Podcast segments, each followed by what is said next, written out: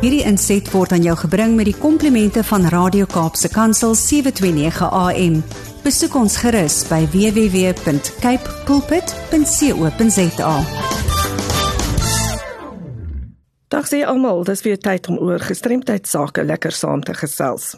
Ek is Erika de Tooy. 'n Luisteraar vra: "Hoekom is dit so belangrik om vinnig op te tree as iemand 'n beroerte gehad het?" As 'n beroerte klaar plaasgevind het, is dit sekerlik te laat om iets daaraan te kan doen. Die kort antwoord op hierdie vraag is dat daar binne 'n paar ure opgetree moet word om die persoon die grootste moontlike kans op volkomme herstel te gee.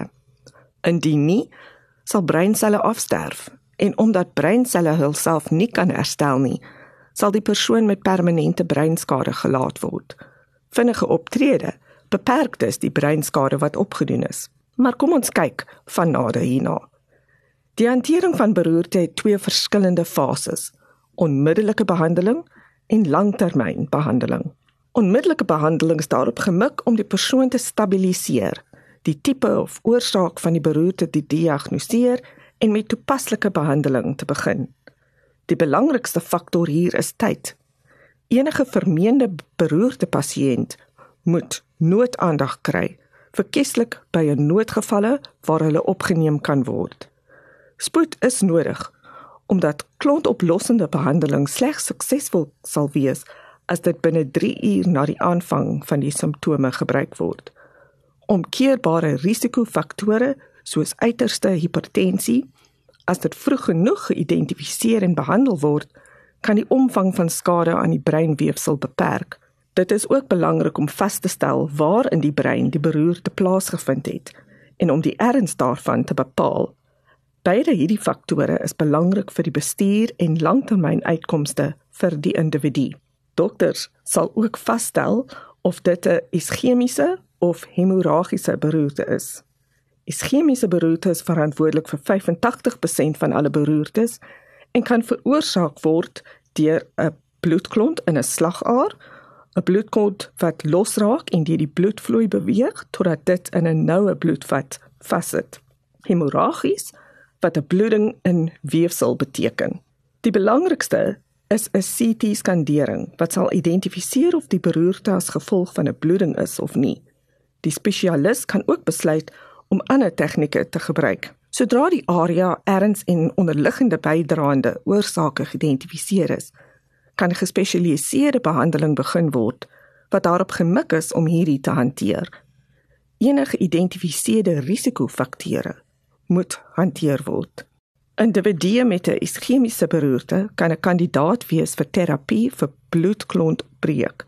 Gewoonlik sal ongeveer 10% van pasiënte kwalifiseer vir hierdie behandeling wat slegs deur spesialiste toegedien kan word, verkieslik in 'n beroerte eenheid vanweë die beduidende risiko's daaraan verbonde.